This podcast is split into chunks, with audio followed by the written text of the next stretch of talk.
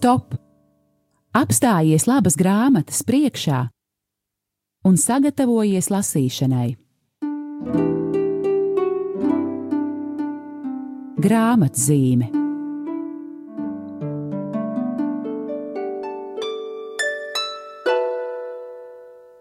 Labdien! Jau trešajā raidījumā grāmatzīme Radio Marija Latvija studijā. Atkal esam mēs, Laura Feldberga un Aija Balode. Un šodien mums ir ļoti sarežģīts, bet arī ļoti interesants uzdevums. Proti, mēs aicināsim jūs, mīļie klausītāji, kopā ar mums apstāties grāmatas ticības iemesla priekšā. Un e, pirms mēs sākam šķirstīt šo grāmatu, es labprāt pastāstītu burtiski dažos teikumos par autoru Skotu Hānu. Mūsu izdevniecības lasītājiem Skota Hāna vārds būs jau pazīstams saistībā ar vienu citu grāmatu, ko mēs pirms kāda laika izdevām. Proti, grāmatas nosaukums ir Pārnākšana Romā kur Skots Hāns kopā ar savu dzīves biedru Kimberliju ļoti godīgi un ļoti interesanti stāsta par savu ceļu uz katoļticību. Un, protams, šis stāsts ir vienkārši fenomenāls.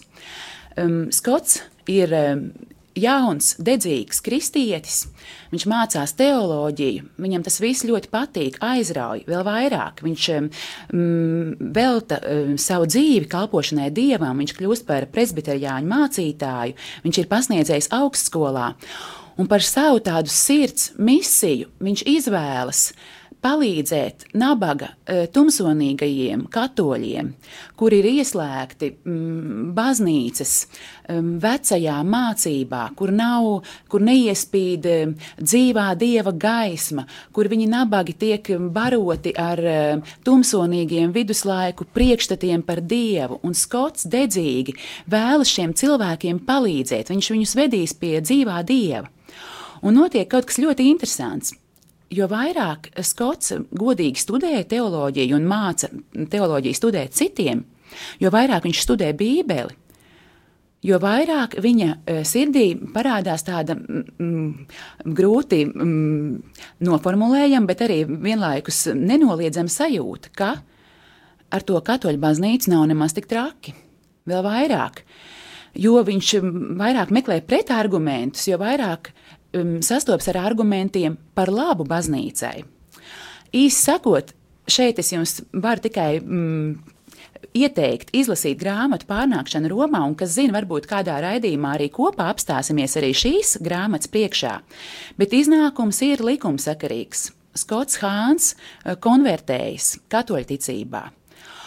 Un man šķiet, um, tas ir kaut kas tik brīnišķīgs, um, šī cilvēka drosme. Proti, vai gadījumā nav tā, ka mums um, katram kaut kādā jomā, ka mēs katrs ar to sa sastopamies. Proti, mums jau ir kaut kāds uzstādījums, ar kuru mēs dzīvojam, un tad mēs meklējam argumentus šim uzstādījumam. Un, ja mums neiet, mēs īsti neatrodam, tad nevis mēs sākam apšaubīt, ka mēs varbūt bijām uh, sākumā izvēlējuši nepareizu um, um, to patiesību, kas jāpierāda. Nē, to mēs tā kā nē, mēs meklējam ar vien jaunus argumentus, nogurstam no tā, bet um, mums ir grūti atzīt, ka mēs kļūdījāmies. Ko tu, Lauriņ, par to teiktu? Vai tev arī pārsteidz šī Skota Hāna drosme?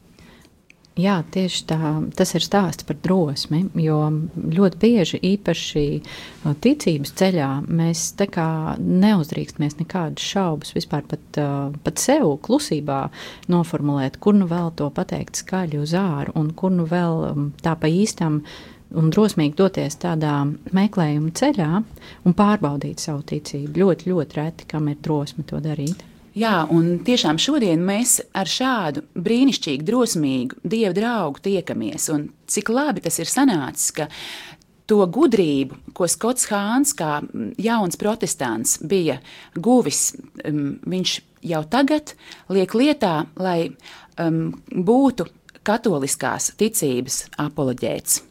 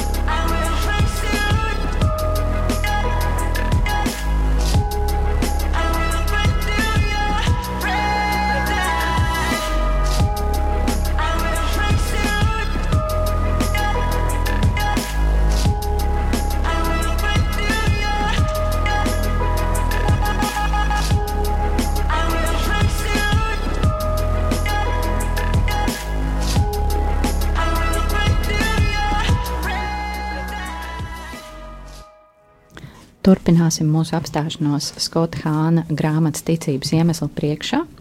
Un, um, es vēlos mazliet pastāstīt par vāka noformējumu. Um, uz grāmatas vāka ir uh, kāda agrīnās renesanses nezināma autora um, darba reprodukcija, kur ir redzams, kā neticīgais Toms uh, liek savu pirkstu kri Kristus brūcē. Un, uh, šis ir mākslā ļoti bieži um, apskatīts sižets. Daudz mākslinieki ir šai tēmai pievērsušies, un šeit arī uh, parādās uh, tas, ka evanģēlijā ir šis stāsts par lielām šaubām, un uh, ka pat uh, kāds no Kristus vistuvākajiem līdzgaidniekiem, un pat ieraugot Kristu pēc augšām celšanos, stāvot uh, savā priekšā, tik un tā šīs šaubas ir cilvēka dabai raksturīgas. Un lūk, um, Toms um, to tā kā mums visiem arī nodemonstrē, ka ir jāuzdrīkstās uh, lūgt šī iespēja, ka jā, es gribu to savu pirkstu likt iekšā tavā brūcē un, un pārbaudīt, vai tu tiešām esi īsts. Un, uh, un Kristus arī viņam atsaucās un ļauj to darīt. Un, uh, nu, tieši ši, ši, šīm šaubām un, un savu šaubu pārbaudīšanai arī ir veltīts šis darbs, un tas likās ļoti piemērots, lai noformētu šo grāmatu. E, tieši tā, un skaidrs, ka šobrīd mums ir grūti fiziski ielikt roku um, Kristus brūcēs, bet toties mums ir šādi labi palīgi instrumenti, ar kuriem meklēt Kristu, meklēt Dievu, meklēt patiesību, m, tikt pie argumentiem par labu Dieva esamībai. Grāmatas ievadā um, autors tātad um, mazliet jau tā kā ievada skatītāju, um, lasītāju grāmatas noskaņā un uh, sagatavo um, tam, kas tālāk sekos. Un tālāk uh, sekos neliels citāts no šīs grāmatas, no pirmās nodaļas. Šīs grāmatas vēstījuma būtība ir izteikta pirms daudziem gadiem Pētera pirmajā vēstulē, bet turiet kungu Kristu svētu savā sirdī, būdami arvien gatavi aizstāvēties pret ikvienu, kas vaicā par cerības pamatu jūsos, tomēr ar lēnprātību un bijību. Dzīvē mēdz būt gadījumi, kad jālec nezināmajā, jāpaļaujas uz instinktiem vai aklu ticību, taču tie nav normāli pēdiņās gadījumi. Tie parasti ir ārkārtas gadījumi. Mums nav jācīnās pastāvīgos krīzes apstākļos. Pēters lieto vārdu vienmēr, lai apzīmētu mūsu parasto dzīvi. Mums gluži kā skautiem jābūt vienmēr gataviem paskaidrot iemeslus, kāpēc mēs ticam tam, kam ticam. Šāda nostāja nozīmē, ka mūsu pārliecība balstās uz racionāliem pamatiem un ka mēs gribam savas dzīves laikā būt gatavi aizstāvēt to, ko sludinām ticības jomā. Jā, un um, autors arī vēlāk raksta, bet, lai mēs to varētu darīt, mūsu ticībai ir jābūt gudrai. Nepietiek vien ar mūsu sajūtām, ar mūsu emocijām, mums ir jābūt gudriem savā ticībā. Un viņš saka, um, nepietiek tikai tā, ka mēs iemācīsimies kādas dažas attapīgas atbildes uz biežāk uzdotajiem jautājumiem. Un Skots Hāns raksta, ne jau attapīgas atbildes gribēja svētais Pēters, un ne jau attapīgas atbildes vēlas Dievs. Viņš vēlas, lai mums piemistu labi ievingrināts kristīgs prāts, kas veidojies pamatīgās mācībās, gandarīšanā un lūkšanās, kļūstot pazemīgs un dāsns.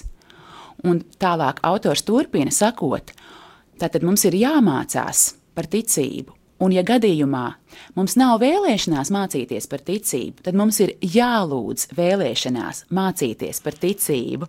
Un šo izlasot, es uzreiz pie sevis pasmaidīju, ka cerēsim, ka pēc šī apgalvojuma mums nāks liela grāmatu tirāžas eh, daļas, pa, liels pasūtījums no Rārzija augstskolas, kur tiešām skaisti Skots Hāns mūs mudina mācieties Un, ja gadījumā nav vēlēšanās, lūdziet, lai jums ir vēlēšanās mācīties par ticību. You are good, you are good, and your love endures. You are good, you are good, and your love endures. You are good, you are good, and your love endures today.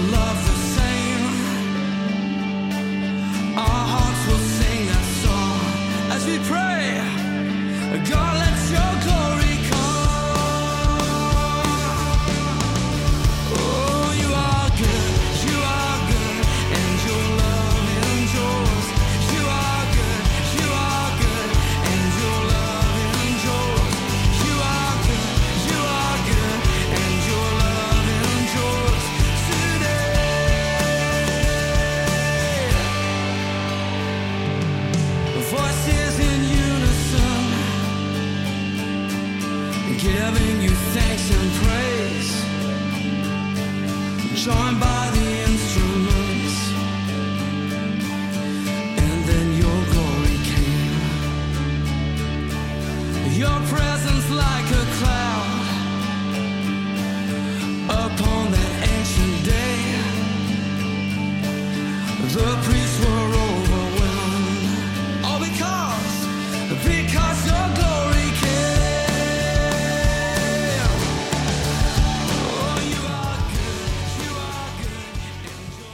Turpinām raidījumu grāmatzīmi par Skota Hāna grāmatu ticības iemesli.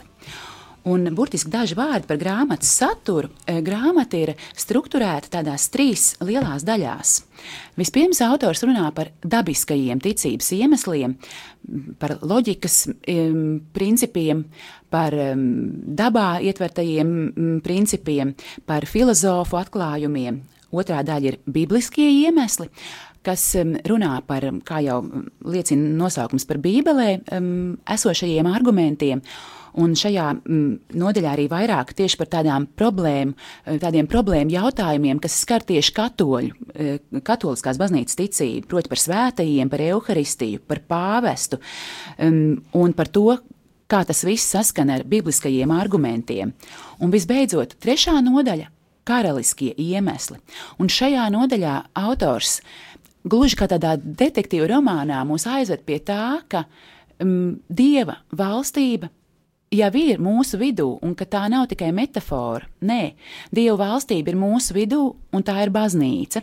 Un to tiešām es mm, jūs mudinu palasīt, jo brīžiem ir tā, ka nu, uzmetas skudriņas vai, vai zosāda, ka tiešām ka reizē mums tā bagātība un tā valstība ir jau apkārt, bet tur ir vajadzīgs šīs ticības acis, lai to pamanītu. Un uh, atgriežamies grāmatas sākumā.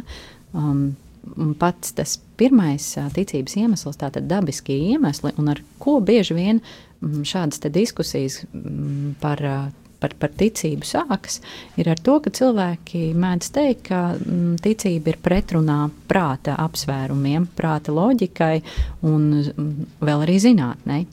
Un arī Skots Hāns sāk ar, ar šo te un, un pierāda, ka nē, tur nav pretruna, ka ticība un prāts ir divi labi kolēģi, vai pat kā mēs tālāk citātā uh, dzirdēsim, viņš pat sauc viņus par laulātajiem.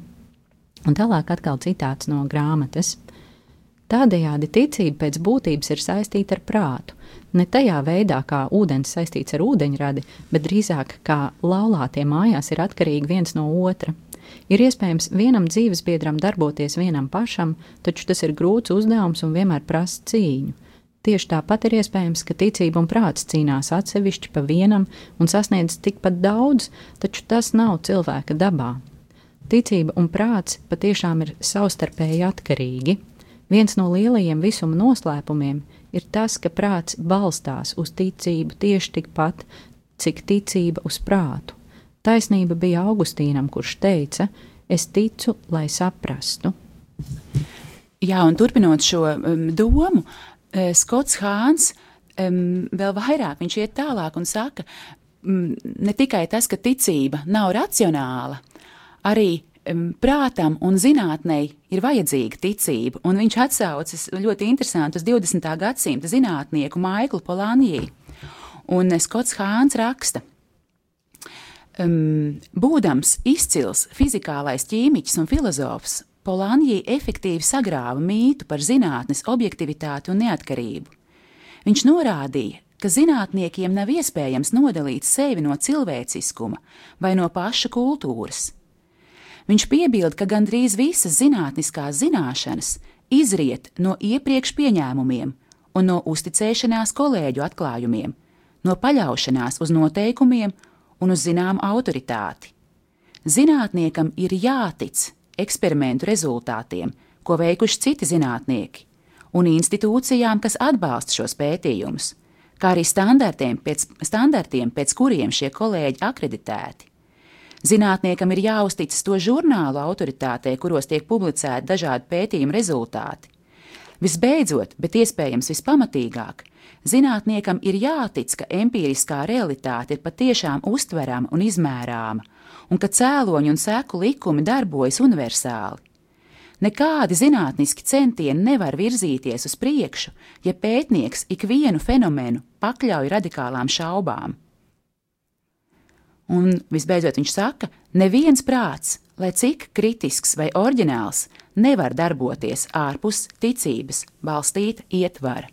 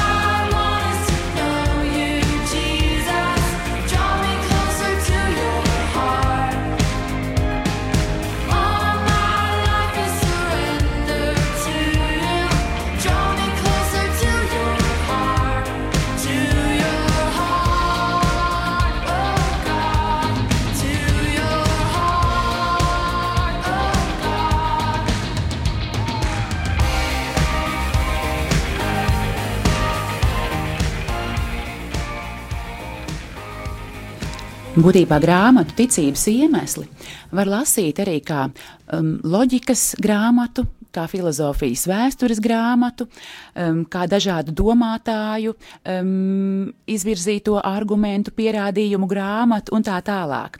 Tiešām, protams, mēs nevaram nolasīt šo grāmatu šeit ēterā. Tas būs, mīļie lasītāji, jādara jums pašiem. Uh, un um, es ceru, ka jums būs tiešām liels prieks um, iepazīties gan ar Akvīnas Toma argumentiem, gan ar mm, pirmo un antīko domātāju argumentiem.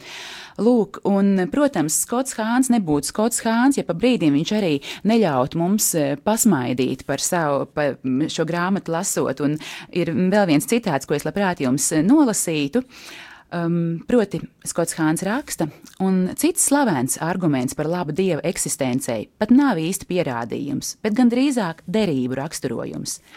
Tas tiek saukts par paskāla derībām, par godu ievērojamajam matemātiķam, matemātiķim Blēzam Paskālam. Un tas pat lielā mērā ir nevis arguments par labu dieva eksistencei, bet gan arguments, kāpēc viņam būtu jātic. Paskāls, kura specialitāte bija varbūtība, vienkārši pielietoja izvēles teoriju arī galējos jautājumos. Un Paskāls pieiet dieva eksistencē kā monētas mešanai. Dievs vai nu eksistē, vai neeksistē. Izsvērsim ieguvumu un zaudējumu, ja likme ir uz to, ka Dievs eksistē. Novērtēsim abus gadījumus. Ja tu uzmini pareizi, tu vinnē visu. Ja es minēju nepareizi, tu nezaudē neko. Tāpēc nešaubies, liec uz to, ka viņš eksistē. Un pēc tam Skots Hāns um, pats saka, tāpat kā daudz, es neuzskatu šo argumentu par pārliecinošu. Un, protams, patiesībā par to ir viegli pasmieties. Taču es jūtos spiests minēt arī pa skālu, vienkārši vēsturiski fakta dēļ. Viņš ir pārliecinājis ļoti daudzus cilvēkus, un tostarp divus manus draugus, kas abi ir profesionāli filozofi. Tāpēc vienu uzskatu šo viņa argumentu par pieminēšanas vērtu. Man kā radoša darba pārstāvēji arī ļoti iepriecina tas, ka Skots Hāns um, atzīmē estētikas um, skaistuma nozīmi pārliecībai par um, dieva eksistenci. Un um, šeit arī mazs citāts no grāmatas. Visbeidzot, es nevaru noturēties un neiekļaut versiju par estētiskās pieredzes argumentu. Ir Johana Sebastiāna Baha mūzika. Tā tad jābūt dievam. To vai nu redz, vai neredz. Šis arguments man vienmēr liek pasmaidīt, taču tas nav joks. Dišs skaistums paceļ dvēseli, un grāmatas, kurās pausti stāsti par atgriešanos pie ticības, ir pilnas tādu cilvēku liecībām, kas kļuvuši ticīgi pateicoties Baha, Michelangelo, Dantes darbiem vai Svētā grāla romāniem. Jau Platons ir minējis četrus transcendentālus lielumus - vienīgais, patiesais, labais un skaistais. Katrs no šiem ceļiem spēja aizvest mūsu draugus virspus un viņpus ikdienas, no kurienes iespējams saskatīt ceļu pie dieva. Izsakot par šo nodaļu, dabiskie iemesli. Nu, noteikti tur katrs lasītājs atradīs uh, savus argumentus. Dažs prātam, dažs sirdī, dažs um, viņa estētiskajām vajadzībām un prasībām, bet uh, katrā ziņā katrs lasītājs pamanīs, ka tiešām um, pasaule ap mums un pasaule mūsos ir daudz vairāk dieva un viņa klātbūtnes pierādījumu pilna nekā mēs to sākumā domājam.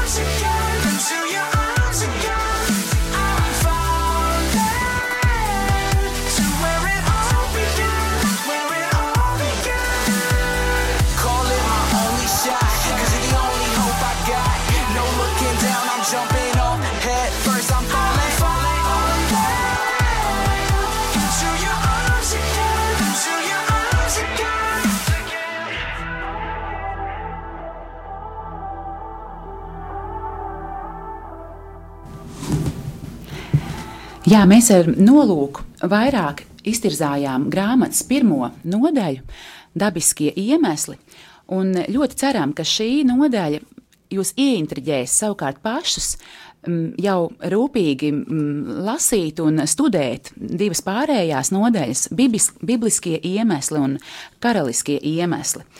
Mm, jo šīs nodaļas arī ir pilnas ar atsaucēm uz svētajiem rakstiem, mm, pilnas ar citātiem, ko ir teikuši citi gudri domātāji un tā tālāk. Tiešām lasiet, studējiet, un lai jums ir brīnišķīgas atklāsmes. Mm, jā, tāds uh, pamudinājums uh, vēl um, cilvēki, kas uh, nu, ir teikuši, ka šo grāmatu lasot, viņiem ir uh, nu, pašiem drīzāk nostiprinājusies viņu pārliecība par kādām lietām, kas viņiem ir būtiskas. Šī ir grāmata, ko noteikti vajag lasīt nevis tikai tādēļ, lai pareizi atbildētu, ja jums uzdot kādus jautājumus par kristietību, bet galvenokārt, lai atbildētu sev, lai pārbaudītu savus ticības iemeslus un lai pārliecinātos, ka mēs paši izprotam, kādēļ mēs kādu rituālu pildām. Um, jā, un um, visbeidzot, vēl tāds skaists um, citāts, ko Skots Hāns saka par šo jomu. Um, proti, es savukārt dabūju doktora grādu vairāk nekā pirms desmit gadiem. Esmu bijis vadošos amatos vairākās universitātēs, taču joprojām jūtos šajā jomā kā iesācējs. Jebkuras citas studijas, vismaz teorētiski, ir izsmeļamas.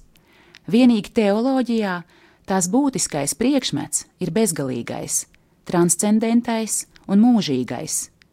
Tēma var izsmelt mūsu iekšējos resursus, taču mēs nekad nespēsim izsmelt šīs tēmas iekšējās bagātības. Un mm, vēl beigās vēlos arī padalīties ar kāds mūsu lasītājs ļoti skaistu rezumējumu par Skota grāmatu, šo, par, par Skota Hāna šo grāmatu. Un mūsu lasītājs Santa raksta. Autoram Skotam Hānam ir lieliski izdevies nosmelt krējumu no tās lielās piena kannas, kurā ir salieti visi dabiskie, bibliskie un teoloģiskie argumenti par dieva esamību. Pielikt klāt šim saldajam krējumam mazliet cukura, kas ir gan viņa pieredze un domas, gan svēto, teologu un filozofu, gan zinātnieku izteikumi, un to sakult vienā garšīgā putu krējumā, jeb grāmatā, kurai nosaukums ir ticības iemesli. Tiesa gan es pēc tam pasmaidīju par to, un man šķita, ka, ja es būtu rakstījis par to, kā tas viss ir salikts kopā, es vairāk runātu par tādu um, uz ugunskura gatavotu sautējumu ar kārtīgu gaļas gabalu, jo man tas atgādina tādu nu, ļoti stingru barību, bet um, noteikti to var arī salīdzināt ar putukrējumu, jo skaidrs, ka uh, tas, tā bauda lasīt ir liela tiešām var, to, var tikai aicināt jūs uz to. Ja būtu radies tāds iemesls tā, domām, ka šī ir tikai prāta grāmata, tad tā gluži arī nav. Jo Skots Hāns vēl runā arī par to, ka uh, cilvēku, kurš ir atvēries dievam, vada arī šī pārdabiskā žēlastība. Un, tā mums atklāja ļoti daudz ko tādu, ko prāts varbūt priekšā nemaz nepateiktu. Un, sekojot šai žēlastībai, bieži vien atbildes par ticības jautājumiem mūsu sirdī rodas nu, tādā, varētu teikt, pārdabiskā veidā. Ticības žēlastība mums atklāja noslēpumus. Savas ticības atbildē mēs redzam, un šī redzēšana mūs dara spējīgus saprast, izskaidrot un aizstāvēt ticību.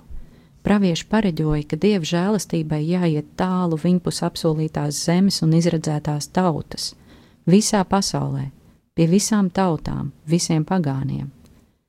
Dievs savā labestībā ir darījis mūs par šīs žēlastības kanāliem. Kad mēs satiekam cilvēkus, kas nav pieņēmuši Kristu, mums viņiem jādod iemesli ticēt. Mums pašiem ir jābūt par labu iemeslu, kāpēc ticēt.